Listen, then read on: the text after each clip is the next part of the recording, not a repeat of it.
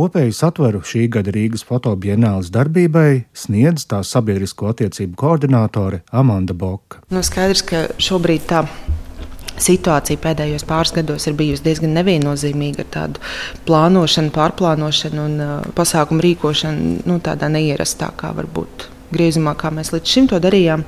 Un šis patiesībā ir tāds, nu, tagad pēc pandēmijas, tāds pirmais gads, kad Bienāla beidzot ir atgriezusies savā īstajā laikā. Kas ir sākot no aprīļa, ieņemam teikt, Rīgas izstāžu zāles. Tas ir tas galvenais, kas īstenībā ir, kas priecē visvairāk ka mēs tiešām varam tā secīgi un uh, plānoti un uh, saprātīgi teikt, uh, rīkot šo notikumu. Bet nu, skaidrs, ka pasaules notikumi arī to ir ietekmējuši. Bez tā mēs nevaram. Tas mums ir gan jāņem vērā, gan arī ar to jārēķinās. Tas mūs arī ietekmē. Nu, un, bet nu, šobrīd, šobrīd tā teikt, ejam uz priekšu pēc plāna. Nedaudz vienāls pašā, pašā sākumā Atklājot pirmo centrālo izstādi Rīgas mākslas telpā, nu, bijām teikt, spiesti atzīt, ka, jā, ka šī situācija ir mūsu arī kara situācija ietekmējusi. Darba atnāca pirmo reizi vispār tā gadījās, kad 15 minūtes pirms pasākuma. Un mēs esam ļoti pateicīgi māksliniekiem, kas arī bija atsaucīgi un teikt, nāca mums pretī. Kopīgi mēs veicām tādu tā akciju, kur mēs izgaismojam šīs atvestās kastes un tukšās vietas zālē arī ar tādu nu, atzinumu, ka nu, tā ir kā ir. Bet šobrīd darbi ir izstādīti, pieejami. Un šī centrālā izstāde ir līdz 12. jūnijam vēl pieejama. Un, un, un pa to laiku, tikmēr mēs varam vaļā vienu pēc otras vēl izstādes. Kopumā ir gaidāms astoņas izstādes līdz pat 10. jūlijam. Un šobrīd tā nu, aktuālās jā, ir, ir šīs divas izstādes Rīgas mākslas telpā, kas notiek, norisinās mērītās perspektīvas un centrālā izstāde ekrānā ir trīs klusā daba. Tālāk mēs devāmies uz Āgānas kalnu, kur kultūra telpā smilga atvērām Baltijas mākslinieku grupas izstādi Utopijas, ko kūrēja Augusta Petra. Un šobrīd mēs virzamies tālāk jau uz fotomuzeju, fotografijas muzeju un, un, un arī uz galeriju Luku. Vēl pēc tam ir gaidām arī tāda tuvākā, kas atvērsies, būs ISSP galerijā. Un, uh, paralēli arī ir šī te, nu, diezgan uh, plašā, es teiktu, izglītības pasākumu programmu. Ar izglītības programmas vadlīnijām iepazīstina Latvijas Nacionālā Mākslas muzeja izstāžu kuratore Agnese Zviedre. Būtībā Rīgas fotografijas bienāls tā galvenā vadošā tēma ir pašizolācija. Un līdz ar to izglītības programmu veidojot, mēs arī domājām par šīm dažādām sabiedrības grupām un uh, iespējām un cilvēku pieredzēm, par kurām bieži vien netiek runāts, un varbūt cilvēks individuāli var justies kā izolācijā vai pašizolācijā, bet bieži vien arī šīs pieredzes ir savstarpēji saistītas un daudz var asociēties un uh, savā veidā veidot šo saikni emocionālo ar šiem stāstiem un tādā veidā padarot to kā kaut ko aktuālu un uh, par ko var runāt. Un tādēļ mums ir uh, četras sarunu sērijas, kas veltītas dažādām tēmām, kā piemēram Anna Žabitskas saruna būs par novecošanu un aprūpi. Latvijā. Tad mums būs Agra Lieģa Dolžako. Runāsim par māmiņu pieredzēm un uh, jauno māmu šiem dažādiem arī stereotipiem, kāda bieži vien jaunās māmas saskars no sabiedrības. Mums būs arī Artūrs Miksons, psihoterapeits, lai runātu par izdegšanu, depresiju un dažādām mentālām veselības problēmām kas arī vēl joprojām ir tiek stigmatizēts Latvijas sabiedrībā. Un ar Denisu Hanovu mēs apspriedīsim arī etnisko minoritāšu jautājumu Latvijā. Un, uh, paralēli šai programmai mēs arī strādājam pie bērnu darbnīcām. Mums būs, mums tikko nesen notika bērnu darbnīca ekrāns un bērns kopā ar mākslinieci Līgu Spundi. Un uh, vīrīči, kas ir jauna kompānija, kas izmanto tehnoloģiju, virtuālo realitāti, lai padarītu pieejamu vidi bērniem bērniem ar autiskā spektra traucējumiem. Un nākamā šī darbnīca notiks 28. maijā. Un līdz ar to mums šīs bērnu darbnīcas arī mēs cenšamies padarīt pieejamas. Līdzīgi kā pašizolācijas sarunu sērijā, mēs, mums ir surdo tulks būs klātesošs, lai padarītu šo pieredzi pieejamāku plašākai sabiedrībai. Par novecošanas problēmām nacionālā, sociālā un individuālā mērogā un to sasaisti ar fotografiju kā savstarpējas komunikācijas mediju paskaidro sociālā antropoloģe Anna Žabītska. Un, ņemot vērā, kas ar to strādāja gandrīz desmit gadus šajā tēmā un virzienā, man lielā mērā bija prieks, ka šis temats aktualizējas ar dažādiem kanāliem šobrīd. Arī dzēn, proti, kad atrod vietu kultūra telpā. Man gribētos cerēt, ka varbūt Krievijas agresija mums liek pārdomāt par iekšējiem cilvēku resursiem, kas mums ir. Un mums viņi ir tik, cik viņi ir.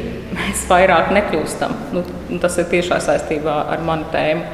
Mēs kļūstam tikai mazāk. Līdz ar to tas lielais jautājums, man liekas, ir, kas iekļauj gan sociālos pakalpojumus, gan veselības aprūpi, bet arī izglītību, kultūru, Jā, proti, jautājums ir, ko mēs darām ar šiem resursiem, cilvēku resursiem, kas mums ir. Jo tiksim, dažādos plānošanas dokumentos ļoti bieži nu, tā kā tāda panacēja tiek skatīta reemigrācija. Nu, tad, kad mēs atgriezīsim mūsu aizbraukušos pilsoņus, nu, tad mēs būsim izglābti. Bet, protams, ka tas tā nav. Līdz ar to tā, mēs samazināmies. tas vienkārši ir fakts, kas ir jāpieņem. Bet nevis jāpieņem tā kā ignorējot Bet ko mēs ar to darīsim? Jo tā jau nav traģēdija pati par sevi, ka mēs kļūstam mazāk ne, un ka mēs novecojam. Jautājums, ko mēs ar to darām ļoti šajās dažādajās nozarēs, kā mēs paveram mākslu un kultūru šai jaunajai sociālajai dinamikai, es gribētu teikt. Kā mēs paveram izglītības iespējas un kā mēs paveram citus teiksim, pakalpojumus, un pilsētu vidi un arhitektūru. Fotogrāfija, protams, var pavērst, izvērst nostalģiju Bet tikpat labi fotografija darbojas arī kā tāds nezinu, ceļošana laikā un tāda radniecības saikne. Ja? Piemēram, cilvēki, ar kuriem strādāju ikdienā, kuri dzīvo pansionātā, viņi ārkārtīgi grib dalīties, viņi grib parādīt vienmēr savas fotogrāfijas. Un tās fotogrāfijas, kas, protams, ir noķērušas ne jau tikai viņu to personisko dzīvi un personisko atmiņu, bet tā personiskā atmiņa ir nu, neatraujami saistīta ar sociālo atmiņu un ar nacionālo atmiņu. Un tas ir konkrētos laika, politiskajos, geogrāfiskajos grožos. Un tas ir tas viens mirklis, ko tas noķer. Jā, tur var būt nostalģija, bet uh, viņš arī paver iespējas, man liekas, gan kaut kādai radniecības veidošanai, sociālo saišu veidošanai, tā izskaitā cauri laikiem. Man liekas, ka tas ir tas uh, pienesums. Turklāt nu, tur ir tik daudz brīvas iespējas interpretācijai. Un tā izskaitā par tām atmiņām, kas ir piesaistītas fotografijai vai šim mirklim. Arī šīs atmiņas, tas jau nav kaut kas viens un stabils, bet gan kaut kas dinamisks un, un mainīgs, jo atmiņas jau nav iekautas tajā mirklī atmiņas nepārtraukti ir uzslāņojums. Tas ir tāds lobots īpola variants. Tas ir konglomerāts, kur nepārtraukti mainās un, un apaug. Izstāde fotoalbums Subjektīvs narratīvs, kur skatām Rīgas fotografijas muzejā, kurators Bābas Teteres lasījumā, pievēršas latviešu 20. gadsimta pirmās puses fotogrāfu pašdarinātajiem fotoalbumiem. Būdami profesionāli fotografi Vilis Rīdzenieks, Alfrēds Polis un Roberts Johansons, paralēli komerciālu pasūtījumu izpildēji un mākslinieciskai darbībai, ir aizrautīgi izmantojuši fotoalbumu salikumu, lai apkopotu, sistematizētu un lolotu kādu savu aizraušanos, hobiju vai kaislību. Piemēram, rīznieks savu patiku pret suņiem, polis savu mīlestību pret sievu Helēnu, ceļojumiem un modernu dzīvesveidu, Johansons vairākos albumos ir apkopojis Latvijas un pasaules atlētu un spēka vīru portretus. Turpina Rīgas fotografijas muzeja vadītāja un kuratore Baiva Tetere. Gribēju pajautāt par šiem trim vārdiem, par rīdzinieku. Mums, manuprāt, klausītājiem nevajag atgādināt. Taču vai jūs varētu pastāstīt, kā Johansona un Poļa devums nonāca jūsu uzmanības lokā? Īstenībā par Robertu Johansonu arī drīz nevajadzēs jautāt, jo mana kolēģe Katrīna Teivāne nu, pat tās ir. Nu, Es saprotu, ka jau no tipogrāfijas grāmata ir palaista. Ir tapusi monogrāfija par šo autoru. Bet, um, jā, nu, varbūt es pastāstīšu, kā es nu, kaut kā nofinalizējos uz šiem trim autoriem. Jā, nu, man interesēja, kā fotografija izmanto šo objektu mēdīju albumu, fotoalbumu, kas ir vispār zināms un, un tāda varbūt tāda universāla. Mēs tā zinām, ka nu, katrā ģimenē nu, vecmāmiņai vai vecākiem noteikti ir šādi albumi. Mūsdienās varbūt tās jaunieši varbūt albums tur sociālajos tīklos un tā, bet nu, tas tā varbūt tāds, tāds nu, Princips paliek, jā. Un Roberts Johansons, nu, viņš ir, man liekas, fotoalbumu mestrs. Jo atmiņu institūcijās tiešām ir vairāki desmiti viņa veidoti albumi. Viņam tiešām, nu, teiksim, viņš bija ļoti ražants attēlu fotografēšanā un, un veidošanā. Un viņš arī ļoti, es domāju, rūpējās par to savu mantojumu kaut kādā ziņā. Un šis albuma formāts viņam bija atbilstošs. Un, un, un tad um, ir tapuši albumi par ļoti dažādām tēmām. Šajā izstādē es pievēršos tātad, um, mm, kā es saku, spēka vīru, vai smagatlētu, vai cīkstoņu, kā mēs viņus visādi varam saukt. Šai līnijai, bet viņam ir arī ļoti skaisti tādi varbūt rutinēti, diezgan iedzinoties arhitektūras detaļās un arhitektoniskās formās, tādi albumi un vēl citas tēmas pārstāvētas. Un ar Alfrēdu Poli ir tā, ka es īstenībā strādāju fotomuzejā 2000. gadā, pirms vairāk kā 20 gadiem šeit.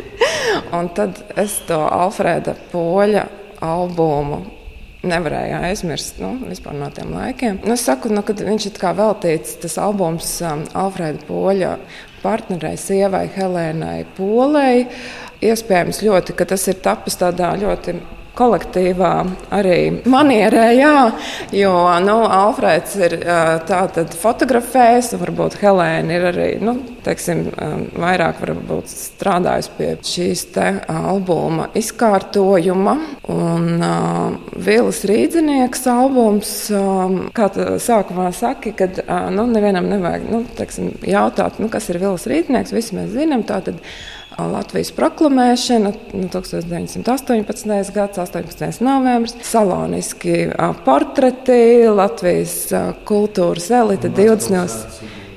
Un idils, un kara dokumentācija, Pirmā pasaules kara dokumentācija. Un ir ļoti, teiksim, nu, vēl, vēl par to visu var ļoti interesanti pētīt un pētīt un rakstīt un rādīt. Bet uh, es uh, pievērsos uh, varbūt tādai līnijai, kas, kas nav tā kā varbūt uzsvērta, kur ir satuvinājušās uh, kaut kāda viņa tāda ikdiena un, un sadzīve. Tātad uh, ar šo profesionālo darbību, viņa mīlestība pret suņiem, aizraušanās ar medniecību, kur suņi ir iesaistīti. Bet, respektīvi, šī fotografiskajā dzīvē, gan ikdienā, gan profesionālajā ikdienā, viņš ir arī veidojis ļoti skaistus suņu portretus un, un, un jā, ainavas ar, ar suņiem.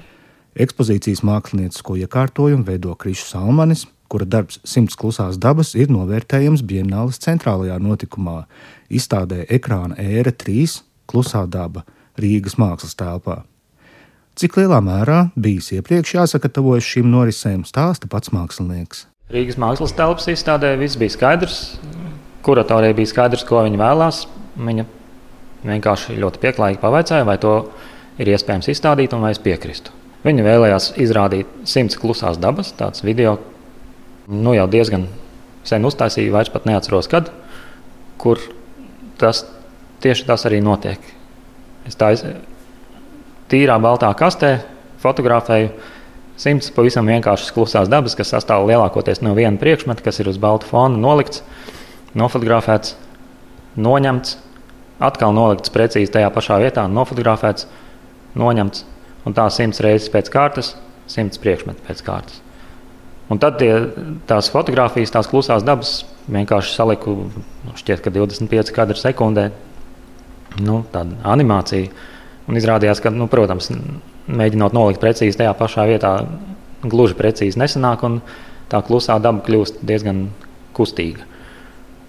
Un tad man sanāca vai nu tāda ļoti nekustīga animācija, vai pārāk kustīga, kā to sauc, prezentācija vai diapozitīvu skate. Runājot par to klusās dabas tēmu, es vakardien dzirdēju citātu no Patricijas Brektes par to, ka cilvēkiem uh, vēlme un tiecība atgriezties pie nu, kaut kādas konkrētības, pie tā vizualitātes pārdzīvojuma, kurš ir uh, saprotams un kuram nav mm, nu, fonā ļoti apjomīgu ideisku mezglu, nu, kaut kāda koncepcija, kurai tur vajag varbūt īpašu ieurpšanos līdz tam, vai tas arī tavā gadījumā šī konkrētība un arī, un arī šīs ekspozīcijas kontekstā nu, cilvēkam ir vēlme pēc vienkārša vizuāla notikuma. Nu, jau tālāk, jau grūtāk man pateikt par cilvēkiem kopumā, ko cilvēkiem gribas. Jo, jo vairāk runā ar dažādiem cilvēkiem, jo vairāk šķiet, ka katram gribas kaut ko pilnīgi negaidīti savādāku nekā man. Bet uh, man vienmēr laikam, ir pašam gribējies vismaz kaut kādu skaidrību tajā, ko es daru. Un vienalga, vai tas ir paša mākslas darbs, vai noformējot kādu izstādi, vai iekārtojot grāmatu. Mm, varbūt jā, man tāds sarežģīts vai nelīdz galam izskaidrojams lidojums varbūt ir vai nu biedējis, vai vienkārši nav pa spēkam. Tā, tas man diezgan raksturīgi nav. Bet tā skaidrība, es nezinu. Bija kaut kāds brīdis, kad visi bildēja to, ko viņi ēd pusdienās, vai ne? Nu, tāda klusās dabas. Man šķiet, ka klusā daba kā tāds žanrs e, joprojām turpinās un attīstās un, un tādā vienkārši kļūst aizvien plašāks. Tajā plašajā mērogā ir nu, ļoti klasiski. Mēs cenšamies ļoti skaisti nofotografēt savu interjeru vai savu kūku, vai ko nu mēs esam uztaisījuši un, un ielikt albumā, virtuālajā, ne, bet tīmeklī. Runājot par uh, šo ekspozīciju, kas ir fotografijas muzejā, kā tu tiec galā ar to sentimentalitātes aspektu, kas uh, šādiem attēliem ir klātesošs, jo reizēm tur jau var pazust uh, kritiskajā izvēlē. Kaut kas tev liekas jauks, vai tu kaut kā emocionāli asociējies ar kaut kādu attēlu, bet viņš tev varbūt apmāna ar savu vēstures patinu. Kā tu ar to reaģēji? Šajā izstādē par laimi man par to nebija jādomā, jo visu izvēli veica baiva. Pat pat daļai iekārtojumu ietekmēja tas, ka viņa, re, viņa redzēja kādas sakarības starp tām bildēm, un man bija drīzāk jāizdomā, kā to sakarību puslīdz parādīt vai likt nojaust. Un nebija pārāk jādomā, kuru bildi likt un ko tā bilde īsti nozīmē. Bet eh, man tāds man pašam ir paņēmiens, kā tikt galā ar lielākoties ar mākslas fotografiju, kas ir melnbalta, bet arī varbūt ar vēsturisko melnbalto, kurā ir tā, kā tu skaisti nosauc, tā patina virsū. Bet, uh, vienkārši prātā iekrāsot un domāt, kā man tā bilde patiktu, ja viņa būtu krāsaina. Pirmkārt, vai, vai ja krāsaina, vai to krāsaino versiju arī uzskatītu par mākslas foto, vai tas melnbaltums tur ir uh, tikai tāpēc, lai man iestāstītu, no, ka šī ir māksla un man uz to jā, tā arī jāskatās. Un otrkārt, šajā izstādē, iekrāsojot tās bildes prātā, tie cilvēki kļūst ļoti kā cilvēki, kā līdzcilvēki. Un uzreiz var labāk redzēt, nu, kur ir tā pauzētā bilde, kur varbūt spiežas cauri tas cilvēks. Un, un, nu, nevar teikt, ka katrā izstādē, bet ik pa brīdim gadās, vienalga fotografijās vai gleznās, ka ir tāds, nu, tāds pilnīgs punktuma brīdis, kad vienkārši iedur kaut kur, un tas ir pa īstam, un es to zinu, un to saprotu, un jūtu, un izjūtu vienalga. Tur ir, nezinu, Pētera kundziņa gleznā, kur gan viņš skatās uz mākoņiem, un tie mākoņi es redzu tur tajos mākoņos, es redzu, nu, viņi man vienkārši iedur. Tie ir pa īstam romantiska bilde bez gala. Romantizēta droši vien arī varētu teikt. Bet, bet tur ir kaut kas īsts, un tāpat arī tajās fotografijās. Visbeidzot, jāiezīmē mākslinieka Rēņa Līsmaņa personāla izstāde Arrangements, jeb norīkojumi, kura iepazīstama galerijā Luk Rīgā ģērtrūdas ielā. Koncentrējoties uz fotografijas attēla neredzamajiem tapšanas procesiem, autors izaicina attēlu veidošanas vispār pieņemtās struktūras, izstādīšanas veidus un mākslas ražošanas industriju kopumā. Darba veidošanā, izmantojot savu ikdienas praksi, darbojoties kā asistentam mākslinieku studijās Londonā, Rēnis sniedz iespēju pārdomāt iepriekš tapušus darbus, vienlaikus izmantojot tos kā avotu jaunu atkārtojumu un interpretāciju radīšanai.